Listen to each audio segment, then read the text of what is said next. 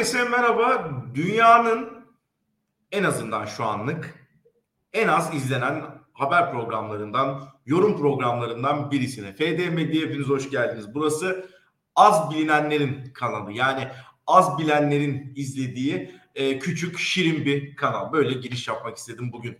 Böyle izlenmelerine sitemim mi var vesaire diyecekseniz kesinlikle öyle bir sitem asla söz konusu değil. E, teşekkürler gerçekten bir yıl aşkındır Sizlerle birlikte yayınlar yapıyoruz ve her geçen gün kendimi geliştirmeye çalışıyorum. Sizlere anlatmaya çalışıyorum. Özgürce konuşmaya çalışıyoruz. Hepiniz hoş geldiniz Fatih Ejder YouTube kanalına. Benim dünyama eşlik etmek isterseniz yapmanız gerekenleri biliyorsunuz. Evet sesim biraz kısık. Dün Beşiktaş maçındaydım.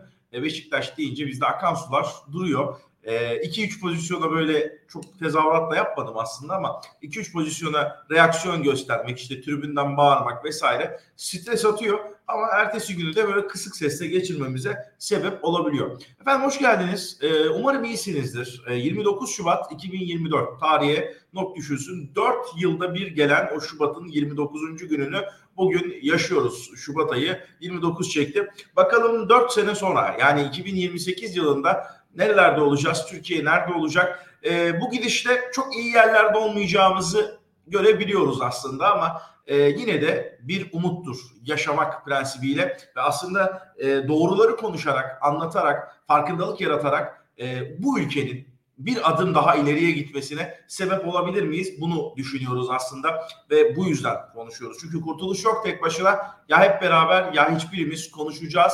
Konuşmadan bazı şeyleri yapamayacağımızı, diyalog kurmadan bir şeylerin hallolmayacağını öğrenmemiz gerekiyor. Yayına hoş geldiniz. Ee, beğenirseniz, kanala abone olursanız benim için çok ama çok önemli olur. Gündemi konuşacağız. Ee, Türkiye ve dünyada yaşananlara bakacağız hep birlikte. Sizler için seçmiş olduğum haberler var ve bu haberleri sizlere anlatacağım, yorumlayacağız ve manşetlere bakacağız. Ben her gün manşetleri okurum. E, bugün de sizler için seçtiğim iki gazetenin manşeti var. Birinci gazete Karar Gazetesi'nin manşeti, ikinci gazetede Sözcü Gazetesi'nin manşeti. E, iki manşeti seçtim çünkü diğer gazetelere göre daha farklı olan yani basma kalıp manşet çıkmayan iki gazete bugün gözüme öyle çarptı. Yarın başka bir gazete olursa onları da getiririz. Yani herhangi bir kesinlikle e, kastım söz konusu değil. Evet, e, Türkiye. Önce Türkiye ile başlayalım. Hepiniz hoş geldiniz e, dedik. Anayasa Mahkemesi, Anayasa Mahkemesi ile iktidarın arası uzun zamandır iyi değil biliyorsunuz. Çünkü e, iktidar ve daha doğrusu Cumhur İttifakı e, Anayasa Mahkemesi'ni önlerinde bir ket olarak görüyor. Yani sanki yapmak istediklerini Anayasa Mahkemesi yaptırmıyormuş gibi görüyor. Daha doğrusu öyle anlatıyor. Yani e, hatırlarsınız meclis sisteminde yani daha Cumhurbaşkanlığı hükümet sistemi gelmeden parlamentonun güçlü olduğu dönemlerde meclis bizim kolumuzu bağlıyor diyorlardı. Hızlı karar alamıyoruz diyorlardı. Şimdi de ne diyorlar? Anayasa Mahkemesi e, bizim kolumuzu bağlıyor ve kararlarına uymuyorlar. Genelde son olarak Can Atalay'da gördük aslında. Ve aslında belki de bizim de bilmediğimiz birçok uymadıkları kararlar var. Anayasa Mahkemesi'nden yeni iptaller geldi. Ee, hemen manşetimizi atalım. Yeni iptal kararları. Bu iptal kararları e, genel olarak Cumhurbaşkanlığı kararnamesiyle yani e, Cum Sayın Cumhurbaşkanı'nın bir numaralı kararnamesiyle alakalı e, bir iptal kararı geldi. Şöyle Anayasa Mahkemesi Türkiye Adalet Akademisi'nin kuruluş ve görev yetkilerine ilişkin usul ve esasları düzenleyen Cumhurbaşkanı kararnamesinin tümüyle CİMER'in çalışma usullerinin Cumhurbaşkanı'nca çıkarılacak yönetmelikle belirlenmesine ilişkin düzenlemelerin iptaline karar verdi. E, Cumhuriyet Halk Partisi burada başvurmuştu.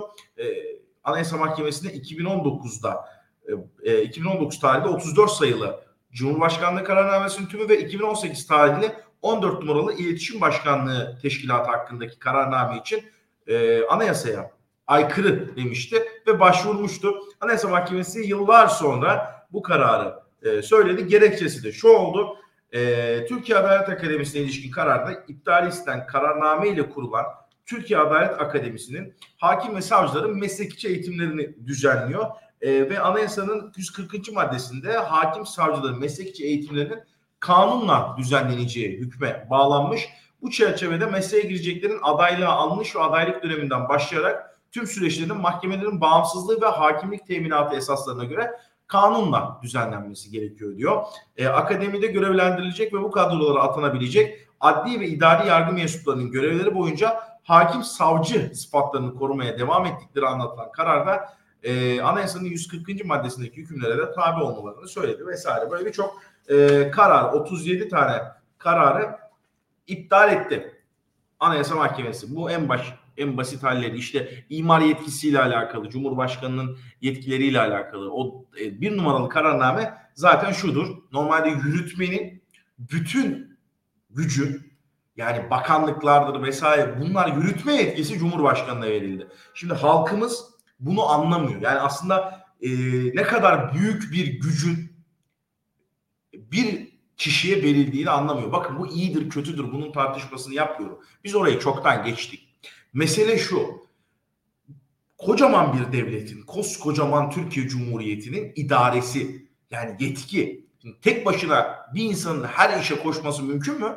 Değil. Yani bunu böyle düşünebilirsiniz. Bir numaralı kararnamede zaten yetki devri kararnameleri. İşte Cumhurbaşkanı kendine verilen yetkileri dağıtıyor. İşte ona veriyor, buna veriyor vesaire. Anayasa Mahkemesi de burada devreye girdi ve dedi ki ben e, sana belli yetkilerimi devrediyorum. Ne yapıyorum?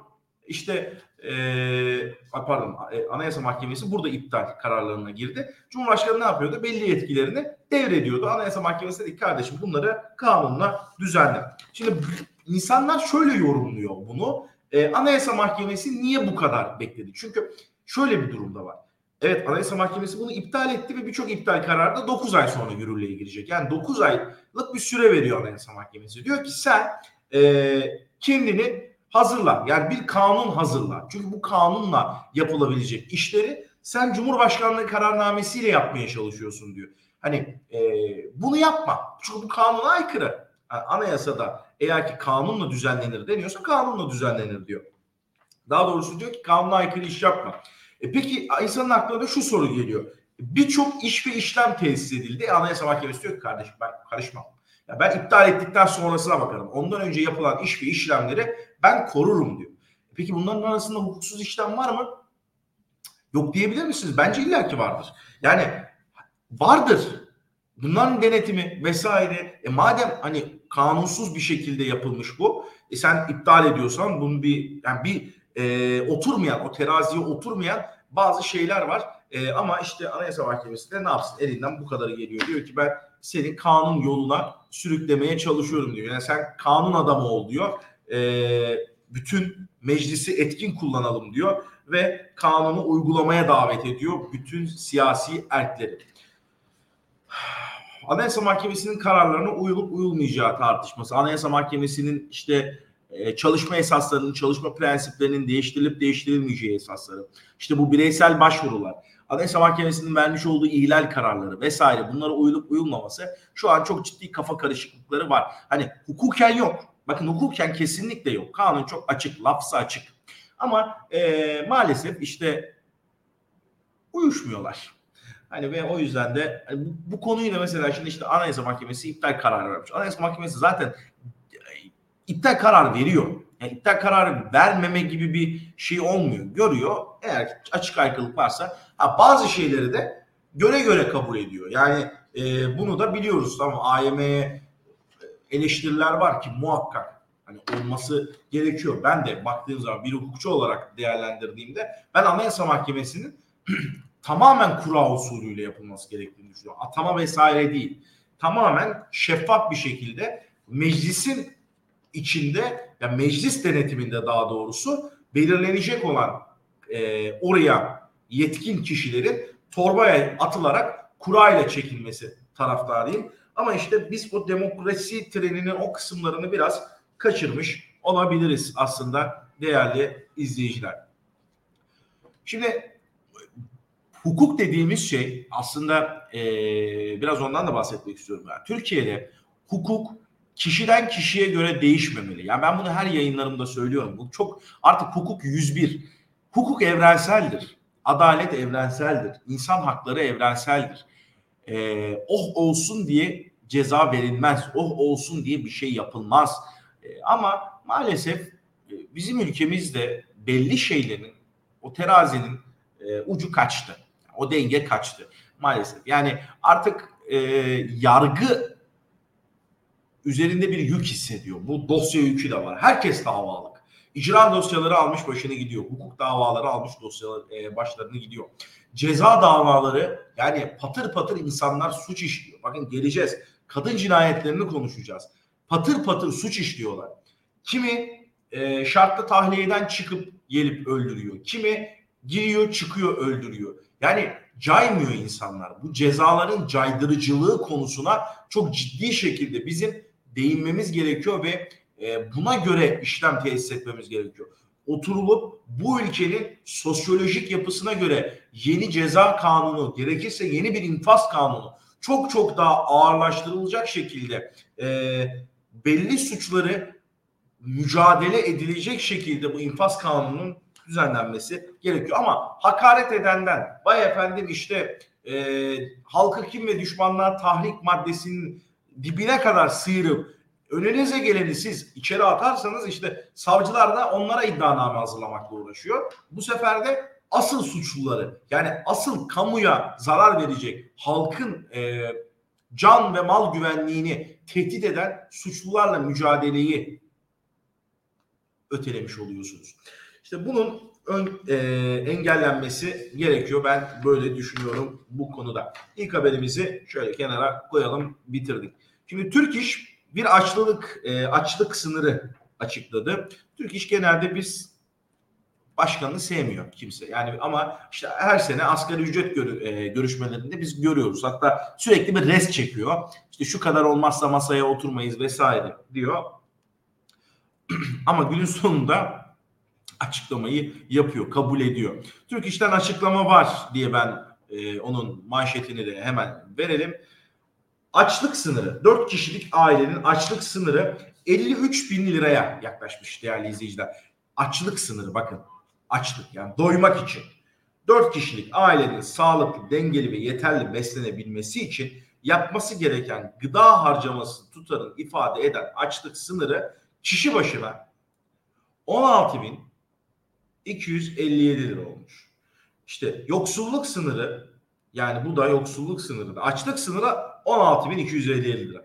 Gıda, giyim, konut, ulaşım, eğitim, sağlık ve benzeri ihtiyaçlar için yapılması zorunlu.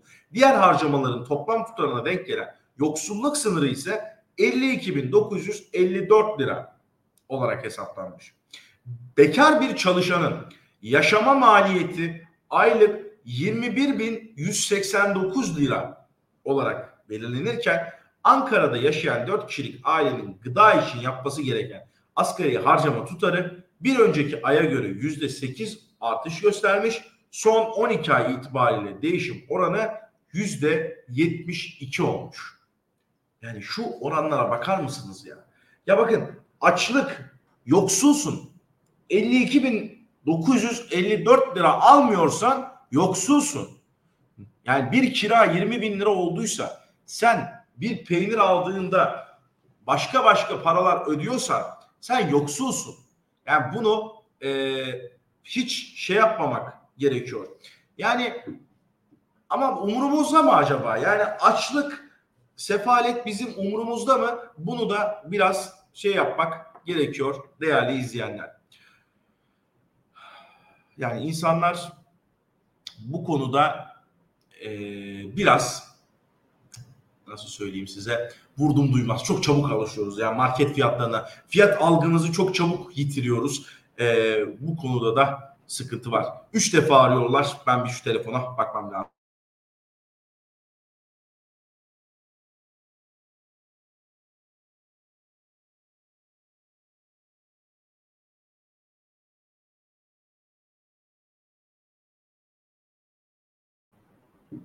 Kusura bakmayın değerli izleyenler. Üç defa üst üste arayınca dedim herhalde önemli bir telefon. Ee, normalde yayına girerken sessiz alıyorum ama önündeydi diye bakmak durumunda kaldım. Kargocuymuş. Önemli bir telefonmuş gerçekten. Yoksa geldik kapıda yoktunuz geri gidiyoruz diyebilirmiş.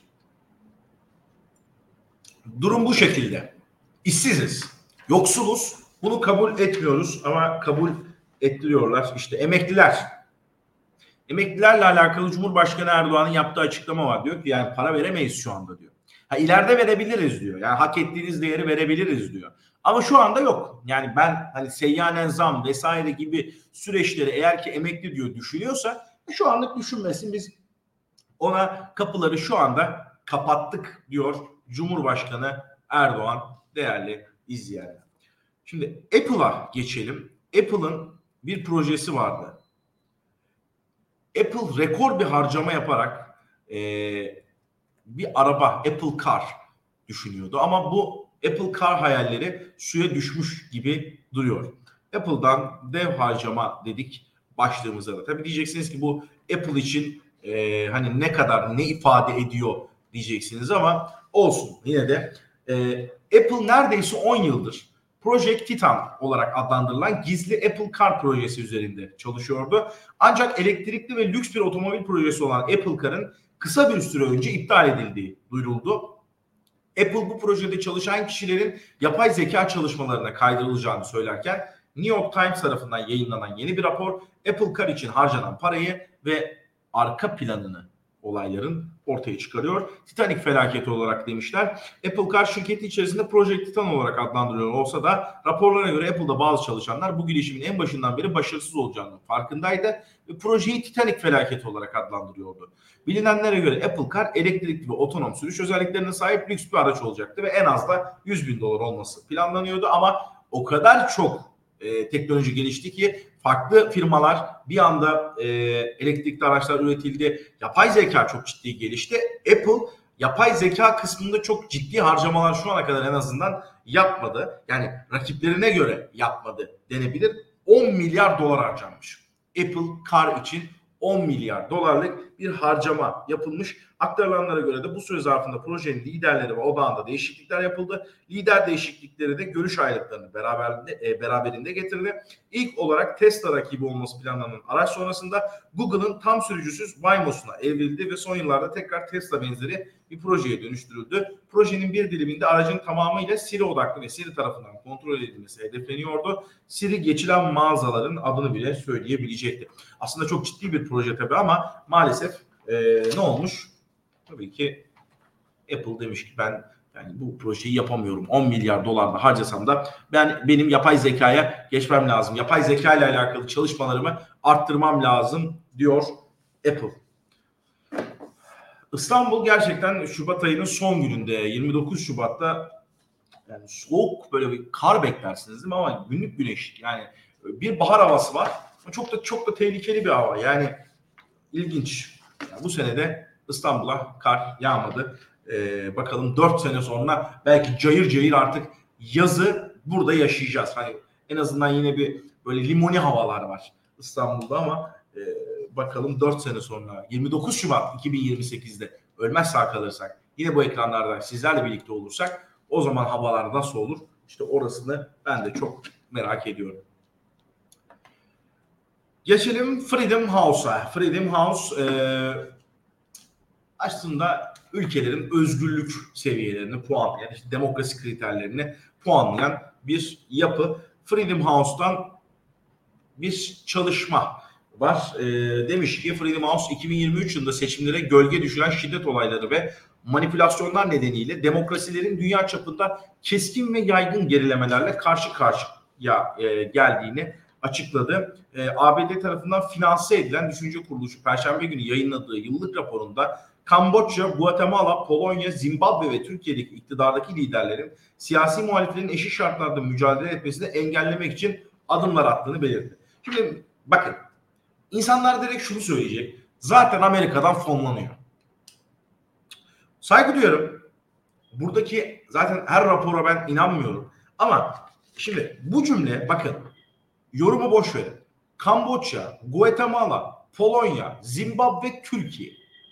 Yani ne alaka birlikte ülkeler? Sadece Polonya e, Avrupa ülkesi vesaire ama yine orada da e, ister istemez diğer AB ülkelerine göre demokrasi anlamında sıkıntılar var. Şimdi Türkiye'de sıkıntılar bakın demokrasi dediğimiz şey e, böyle zamanında demişlerdi işte demokrasi bizim için bir. Yeri geldiğinde ineriz.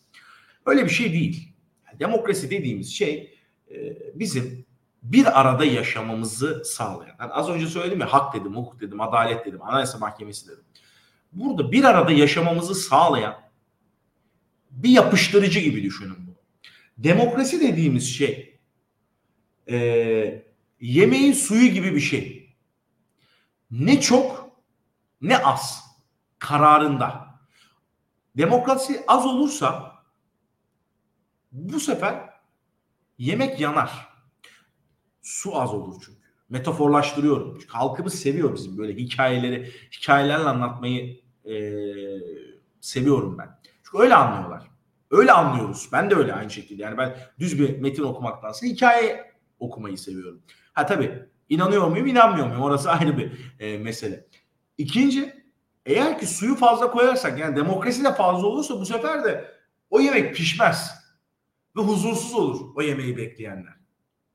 İşte bu yüzden eşit kıvamında bir demokrasi lazım. Ha bu nasıl olacak? Türkiye'de bakın e, yıllarca şu tartışıldı. İşte bakın tam da dün 28 Şubat işte efendim başka mıhtıralar, askeri darbeler, e, ondan sonrasında düşünce özgürlük kısıtlamaları vesaire. İşte imam kapatılması, kat sayılar. Ya bu ülke zaten ciddi anlamda böyle bir iç karmaşası yaşadı yıllarca. Ve bu tabanda olmasa da siyaset yapanlar bundan çok güzel yararlandı ve seçmenini konsolide etti. Mesele buradaki mesele mesela Freedom House diyor ya siyasal haklar ve sivil özgürlükler 52 ülkede geriledi. Şu anda sokağa çıksanız halka sorsanız ki soruyorlar. Ya sizin gerçek probleminiz ne? Ya çoğu diyecek açlık. Açlık. Barınma. Ev bulamıyor insanlar. Şimdi demokrasi dediğiniz şey sizin tez, antitez bunların doğru bir ortamda iki tarafın birbirine saygı duyacağı şekilde yapılması, tartışılması, e, efendime söyleyeyim işte iktidar bir şey yapacak, muhalefet ona karşı bir şey geliştirecek. Yani diyecek ki bakın bunu böyle yapmayın. İşte burası böyle olsun vesaire gibi. Ama yok. Başlığı da öyle yaptım. Siyaset ve nezaket. Yok artık abi. Yok. Bitti. Herkes en iyi ben bilirim diyor. Bakın iktidarı, muhalefeti kim hangi siyasi partiyi alırsanız alın. Hangi siyasi partiyi alırsanız alın. Herkes kendi rantının peşinde. Herkese söylüyorum bunu. Yani hiçbir siyasi parti ayırmadan. Halk dinlenmiyor. Kimsenin sözü umurunda değil. Yani e, siyasi partiler seçmen için biz varsak siz varsınız. Partiler ama bunu anlamıyorlar. Yani ben oy vermedikten sonra X, Y, Z hangi parti fark etmez. Sen iktidar olamazsın. Seni oraya ben getirdim. Halk benim. Yetki bende. Ben sana o yetkiyi, o gücü kullan diye devrediyorum. Seni seçiyorum, oraya gönderiyorum. Ama ne oluyor? Ya milletvekilleri affedersiniz bir meclise gidemiyorlar. Lokantadan çıkamıyorlar meclis lokantasında. Yoklamada efendim hani o eski gözleri ışıldayan bakan vardı ya Nurettin Nebati. Yoklamada varım yazdırıyor yok. Sonra tespit ediliyor meclis oturumu kapatılıyor. Niye yeter sayı yok diye. bizim üniversitede lisede hani yerine imza at kanka ben derse girmeyeceğim de işte hoca yoklamada sıkıntı olmasın sen benim yerime imza at. Nurettin Nebati yaş almış 50-60 yani bakan olmuş vekil olmuş hala demek ki lise ve üniversiteye karşı özleme bitmemiş. O taktiklerle bir şeyler yapmaya çalışıyor. Yani gülüş durumdayız.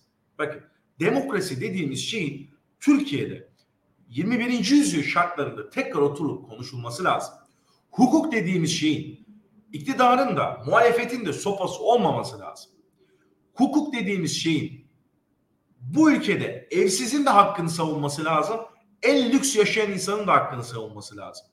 Fakirin de, zenginin de, efendime söyleyeyim, siyahın da, beyazın da yani farklı dünya görüşlerine, Hristiyanın da Müslümanın da bizim bunlara değil. Ortada bir hukuk vardır, kanun vardır, toplum sözleşmeleridir. Yani bu e, devletlerin oluşmasına kadar gider. Bizim Türkiye olarak oturup bunu tekrar bir çözmemiz lazım. Yok işte Freddie Mouse şu raporu ver. Freddie Mouse bu raporu ver. Abi verirler. Verirler. E sen Freddie Mouse gibi bir kur bakayım. Bir düşünce kuruluşu. Git dünyadaki özgürlükleri denetle. İşimize gelmez ki. İşimize gelmez. Bakın ben size söylüyorum işimize gelmez. Çünkü yani biz denetlettirirsek bizim de uymamız gerekir. O yüzden biz onu böyle yapıyoruz abi. Hiç umurumuzda değil bizim. Kulak arkası ediyoruz. Düşünmüyoruz. Ondan sonra da efendim işte Amerika'nın oyunları diyoruz. Neyse. Geçelim şöyle Türkiye'nin o eser miktarda siyasetine. İstanbul seçimleri. Şimdi iki kişiyi koydum. İnsanlar kızabilir diyecek ki başka aday yok mu? Var. Var. Onlarla onlara da geleceğiz. Konuşacağız hepsini. İstanbul seçimleri e, Türkiye'nin şu anda hatta Sayın Cumhurbaşkanı'nın da gözü kulağı İstanbul'da. Yani e, ben ilk defa e, uzun zaman sonra bu kadar sönük gelen, sönük geçen, geçecek olan bence bir yerel seçim atmosferi görüyorum. Seçime kaldı şurada e, 31 gün, tam bir ay kaldı yani Mart'ın sonunda sandık başındayız. Ramazan'a denk geliyor. 4 sene önce de e, tabii seçim iptal edildiğinde Ramazan'dı bu sefer. E, 6 Haziran'dı yanlış hatırlamıyorum. Yok 6 Mayıs'tı. 6 Mayıs'ta seçim iptal edilmişti. E, hafızam beni yanıltmıyorsa. Neyse. Şimdi iki isim Ekrem İmamoğlu ve Murat Kurum. Birbirlerine güzel latifelerle e, pas atıyorlar. Genel olarak ama şu var, şunu görüyorum. Yani mesela Murat Kurum'un ben İstanbul işi e, doğru bir aday olduğunu düşünmüyorum.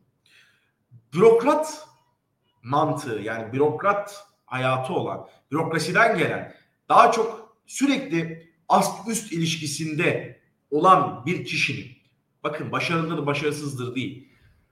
Belediyecilik dediğimiz şey halkla iç içe gelme sanatı. Halka kendini sevdirmediğin müddetçe istersen 39 üniversite bitir. İstersen dünyanın en zeki insanı ol. Abi seçmez bu halk. Halk seni gördüğü zaman tebessüm edecek. Mesela yani bu makalelere de konu edilmiş bir durum. Yani yıllardır bunların tezleri, antitezleri vesairesi yapılıyor. Şimdi Murat Kurum sürekli Ekrem İmamoğlu'yla bir polemik içinde. İşte e, davet tartışmaları, işte açılışa davet tartışmaları. İşte kendi kendine diyor hayali davetler yapıyor diyor. E, proje sürekli Ekrem İmamoğlu'nun yapmış olduğu projeleri örnek veriyor. Yani e, Ekrem İmamoğlu öyle paslar atıyor ki Ekrem İmamoğlu da bunları gole çeviriyor. Şimdi Ekrem İmamoğlu'yu insanlar küçümsüyor. Bakın Karadenizli. Ya bu ülkenin siyaset erbaplarının çoğu Karadenizli. Hani halkımızın sevdiği şeklinde. Şu an İmamoğlu'nun halk tarafından bu kadar tutulmasının en büyük sebeplerinden birisi Tayyip Erdoğan gibi birisi olması. Cumhurbaşkanı gibi birisi olması. Karakter olarak, karizma olarak, hazır cevaplılığı onu da yaparız. Hallederiz, çözeriz. Halka güven veren o tutumundan dolayı insanlar Ekrem İmamoğlu'nu şu anda seviyor, destekliyor ve hatta muhalefetten daha fazla e, ona güveniyor. Şimdi burada işte diğer adaylar var. Burak Kavuncu, Azmi Karamahmutoğlu. E, ondan sonra başka yeniden Refah Partisi'nin adayları vesaire var. Hani ben size söyleyeyim de şeye gireceklerini. Hani bütün adaylara tabii ki e, saygılıyız. O konuda bir sıkıntı yok. Ama bir realite vardır. Ben onu konuşmak istiyorum. Türkiye o kadar e, hani belediye seçimi olduğu için bu. Mesela milletvekili seçimi olsa bütün adayları oturalım konuşalım. En sürpriz yapabilecek adaylar Zafer Partisi ve Yeniden Refah Partisi. Bakın diyorum. Ben iyi Parti mesela. Burak Kavuncu da değil. Burak Kavuncu e, yayına girmeden önce baktım Halil İbrahim Göker'in 10. köy programına konuk olmuş. E, orada işte Ali İbrahim Göker şey sorusu soruyor. Diyor ki efendim diyor. Yani siz diyor İmamoğlu'na seçim kazandıran ekibin içindeydiniz diyor. Ne oldu da diyor e, ayrı aday olarak çıktınız. İşte konuşuyorlar. Bakın hiç tatmin olmuyorum gerçekten. Hani mesela Burak Kavuncu'nun vaatleri falan beni zerre tatmin etmiyor. Çünkü sebebi şu. 5 yıl boyunca yanında olduğun, 5 yıl boyunca beraber iş yaptığın bir insanın kusura bakma hatalarından sen de sorumlusundur. Sen çıkıp ayrı aday olup ya da efendim işte biz İyi Parti olarak müstakil giriyoruz seçime bu sefer falan deyip ondan sonra ee, İmamoğlu'nu suçlamaya çalışmak. İşte bu aynı şeyi mesela Taylan Yıldız. Ben onu da geçen programda biliyorsunuz konuştuk. Taylan Yıldız hakkında da söylediklerim benim aynıydı.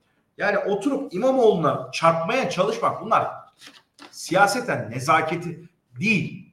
Ya Burak Bey'e soralım. İmamoğlu sizi yani Murat Ongun, İmamoğlu, Canan Kaftancıoğlu siz. 2019'un mimarısınız. Mesela e, diyor ki Burak Kavuncu. Zaten diyor biz 13 bin farklı diyor seçimi kazandık. Sonra diyor seçim iptal oldu. Orada diyor kim olsa kazanırdı. Kazanamazdı kardeşim. Orada kim olsa kazanamazdı. Saadet adayını çekseydi İmamoğlu kazanamazdı ikinci seçimde de. Bak ben bunu çok net söylüyorum. O seçimde halk İstanbul halkı şunu dedi. Korkuya sinmeyeceğim. Orada şu denendi. Hatırlayın 7 Haziran'da 7 Haziran 2015'te genel seçimlerde AK Parti tek başına iktidarı ele alamadığında koalisyon kurulmadı ve bu ülke 1 Kasım'da erken seçime gitti. 7 Haziran'la 1 Kasım arasında yaşanan olayları biliyorsunuz. Halk korkutuldu, terör propagandaları yapıldı. İşte biz gidersek bu ülke kaosa sürüklenir denildi vesaire. Ne oldu? Yüzde 49'a çıktı AK Parti'nin O yüzde 9 geri geldi. AK Parti'ye uyarı veren seçmen bak yeri geldiğinde biz o oyunuzu senden alırız deyip MHP'ye veren ya da işte farklı partilere veren seçmen gitti tekrar AK Parti'ye döndü. Bu korku mekanizmasının tekrar işleyeceğini düşündü. Ee, seçimi iptal eden düşünce. Yani hiçbir şey olmasa da muhakkak bir şey olmuştur gibi saçma sapan bir argüman çıkartarak pusuladan çıkan, e, zaftan çıkan dört oydan e, birini kabul etmeyip üçünü kabul eden bir zihniyet ortaya çıktı. E, ne oldu? Halk dedi ki yeter. Ya bu bir belediye seçimi bir dur. Yok böyle bir şey. Seçim öncesinde Binali Bey mi Sisi mi gibi işte Yunan kazanacak gibi manşetler atan medya ne oldu? İstanbul 5 yıl boyunca ezanlar mı sustu kardeşim? Yok. Eksikler var mı? Var. Ama bunu Cumhurbaşkanı kendi ağzıyla söylüyor zaten. Çalıştırmayacağım diyor. Bak çalıştırmayacağım diyor. Aksaklıklar oluyor diyor. Yani diyor ki müsebbip benim diyor. Yani Hatay'a gitti. Hatay'a diyor hizmet geldi mi diyor. Gelmedi diyor. Hatay mahzun kaldı diyor. Ordu'ya gidiyor. Diyor ki yerel yönetim diyor merkeziyle diyor aynı olmazsa diyor olmaz diyor. İşte diyor doğal gaz gelmez diyor. Ya o zaman bir şey söyleyeceğim. Abi kapatalım. Bak yerel seçimi de yapmayalım. Yani bu bence yani Sayın Cumhurbaşkanı'nın konuşmalarını kim hazırlıyorsa zarar veriyor. Yani bakın siyaset böyle bir şey değil. Demokrasi böyle bir şey değil. Gerçekten.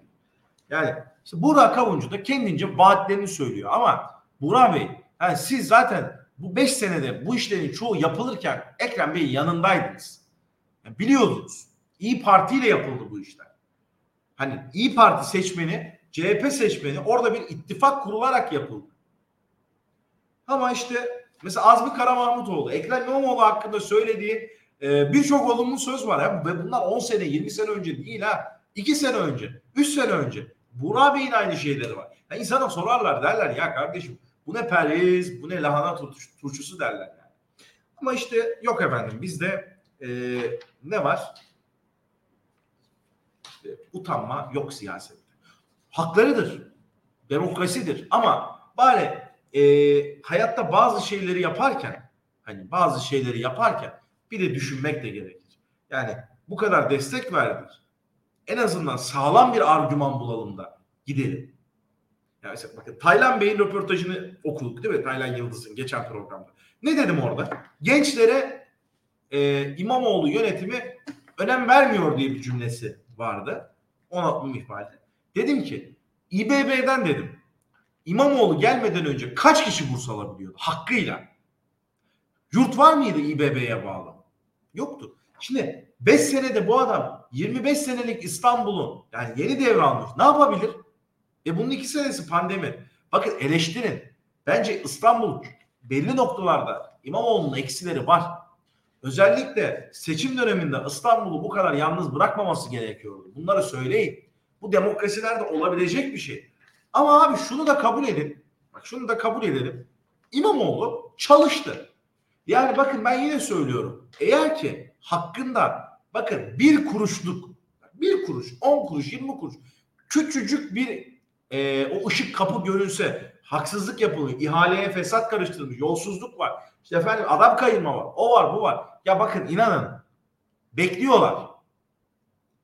Mesela şu an İmamoğlu'nun üstünde o demokrasinin kılıcı gibi istinaf bekliyor. Hapis cezası. Siyaset yasağı. Bekliyorlar. İmamoğlu İstanbul'da seçimi kazanamazsa İmamoğlu'na o siyasi yasak gelir arkadaşlar.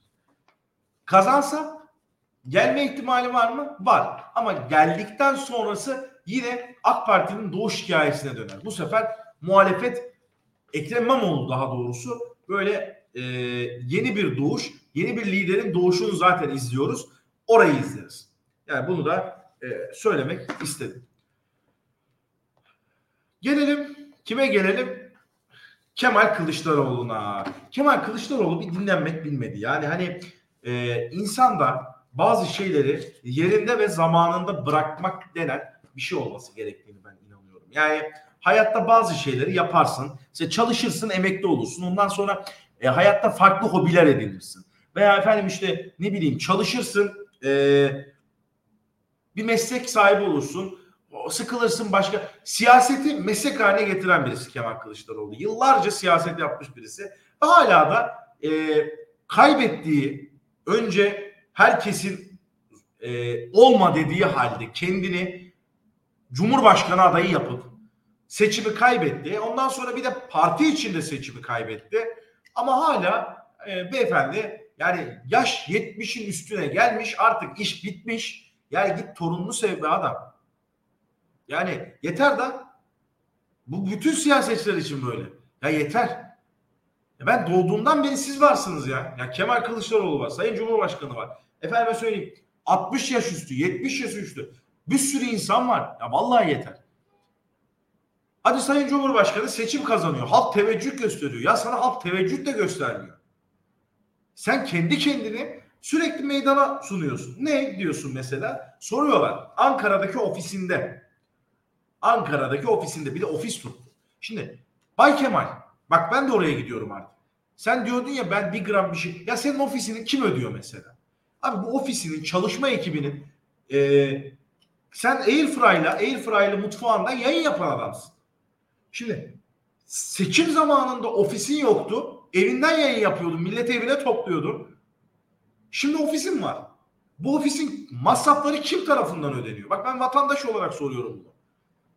Kaç çalışan var? Ne üzerine çalışıyorsunuz? Kime çalışıyorsunuz? Yani yeni bir siyasi parti mi kuruluyor? Yeni bir düşünce vakfı mı, derneği mi kuruluyor? Yani ne oluyor? Ben bunu çok merak ediyorum. Neyse aday e, sorular sorulmuş. Demiş ki 1 Nisan sizin için ne ifade ediyor? 1 Nisan, Nisan ayının birinci günü o kadar böyle e, görüşmeler. Seçimin ertesi günü olarak diyor. Seçimin ertesi günü diyor. Her seçimin diyor bir sonraki günü vardı. Doğru sizin için var. Ama bizim için yoktu. 14 Mayıs'ta insanlara öyle korku pompaladınız ki işte vay efendim bu sandığa gitmezseniz sonumuz geliyor, o oluyor, bu oluyor. Seçimi kaybettiniz, ikinci tura kaldı. Gencecik bir çocuk intihar etti. Çıkıp hesabını verebildiniz mi? İnsanlar intihar etti. Sıkıntıdan, geçim sıkıntısından e, size bel bağlayıp onları yarı yolda bıraktığınız için. Bir şey diyebildiniz mi? Hayır. Sizin için her seçimin, her zaten her yerden dönebilirsiniz siz siyasetçi olarak.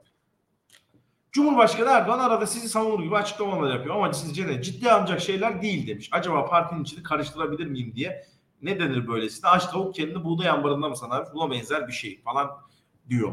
E, Cumhurbaşkanına yönelik olarak. AK şirketlerine hala güveniyor musunuz? Çürümenin bu kadar yaygınlaştığı bir ortamda çürümeyen kesim bulmak, yakalamak çok zor. İşte yoksullaşma iktidarını koruyor vesaire vesaire demiş. Ya Kılıçdaroğlu'nda tekrardan böyle bir parlatma e, şeyi röportajı olarak ben bunu görüyorum. Açık söylemek gerekirse yani artık e, gerçekten gidin Sayın Kılıçdaroğlu torununuzu sevin. Bu kadar siyaset, bu kadar stres bünyeye çok fazla.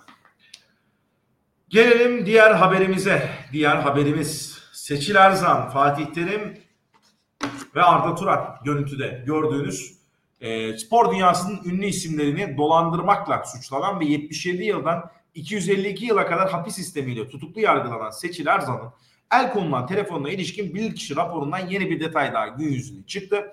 Raporda Erzan'ın kuzeni Tanın Yılmaz ile eşi Merve Özer Yılmaz'ın WhatsApp grubu kurarak ısrarlı bir şekilde paralarını istedikleri, paralarını alamayınca da Erzan'a ağır küfür ederek tehdit ettikleri görüldü.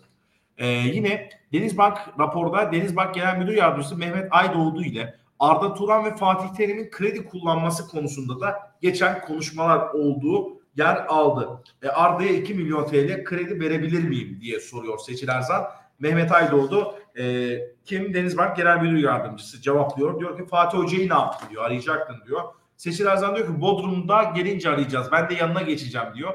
Mehmet Aydoğdu diyor ki krediyi kullandırdım mı? Seçil Erzan diyor kullandırdım borcunu ödedi. Mehmet Aydoğdu haber vermedin Arda'ya verebiliyorsan ver diyor. Seçil Erzan diyor ki Arda'ya 2 milyon verebilir miyim? Mehmet Aydoğdu diyor ki kredileri onaylatabiliyorsan ver diyor. Yine Selçuk İnan'la alakalı Oğuz Atilla isimli kayıtlı kişiyle de yapmış olduğu e, röportajlar var. E, bu Seçil Erzan meselesinde bence medyada 3 maymunu oynuyor. Yani bir tane kadın geldi e, fazla para vereceğim size diye bizim spor dünyasının içinde dolaşıyor. Yani liyakat olsa bakın yani Arda Turan, Emre Belezoğlu işte bunlar şu an e, mahkemeye gitmiyorlardı. En son haklarında zorla getirme kararı çıktı. E bakın yine mesela bilirkişi raporundan Fatih Terim ismi çıkmış. Ya Fatih Terim niye bu dosyada yok? Ya bir gelsin ya mağdur değil mi bu adam? Mağdur mu mağdur değil mi? İşte raporlara baktığımız zaman, bilir kişilere baktığımız zaman, işte tanık ifadelerine, dosyanın külüne baktığımız zaman Fatih Terim'in bu dosyada gelip ifade vermesi lazım. Ama e, işte Fatih Terim bu dosyada ne yapıyor? Yok. Nerede? Yunanistan'da.